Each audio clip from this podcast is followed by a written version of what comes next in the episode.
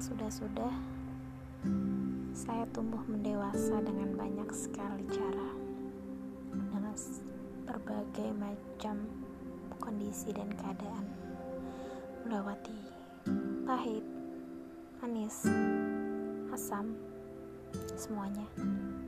Pantas saja orang-orang dahulu atau orang-orang tua selalu mengatakan, "Saya telah melewati manis pahitnya kehidupan."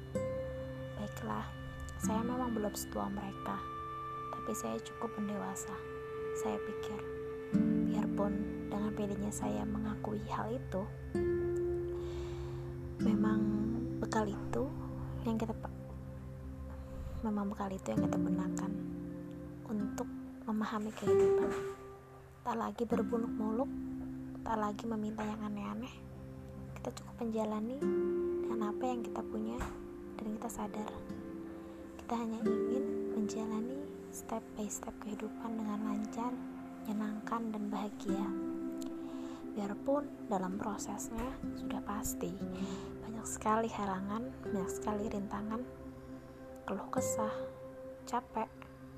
Aku ingin berhenti. Hmm, tapi ada hal-hal, ada orang-orang yang didatangkan oleh Sang Pencipta untuk membuatmu terus berjalan. Itulah kehidupan. Kadang di bawah, kadang di atas.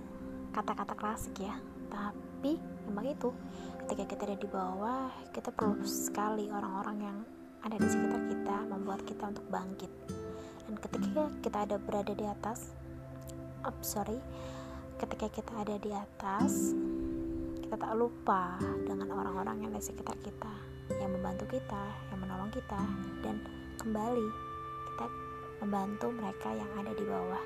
Begitulah kehidupan terus berputar hingga akhirnya selesai iya selesai seperti sebuah film dari awal pengenalan klimaks dan dalam konflik hingga akhirnya berakhir dengan berbagai macam sih. Ada yang happy ending atau sad ending. Semuanya sudah bagian dari takdir. Seperti itu yang aku pikir dari sebuah rangkaian kehidupan. Uh, sedikit absurd sih tapi semoga kamu bisa ngambil hikmah dari kehidupan ini. Nikmati kehidupan dengan ya semenyenangkan mungkin. Enjoy. Salam hangat dari aku. Ya untuk kalian semua para pendengar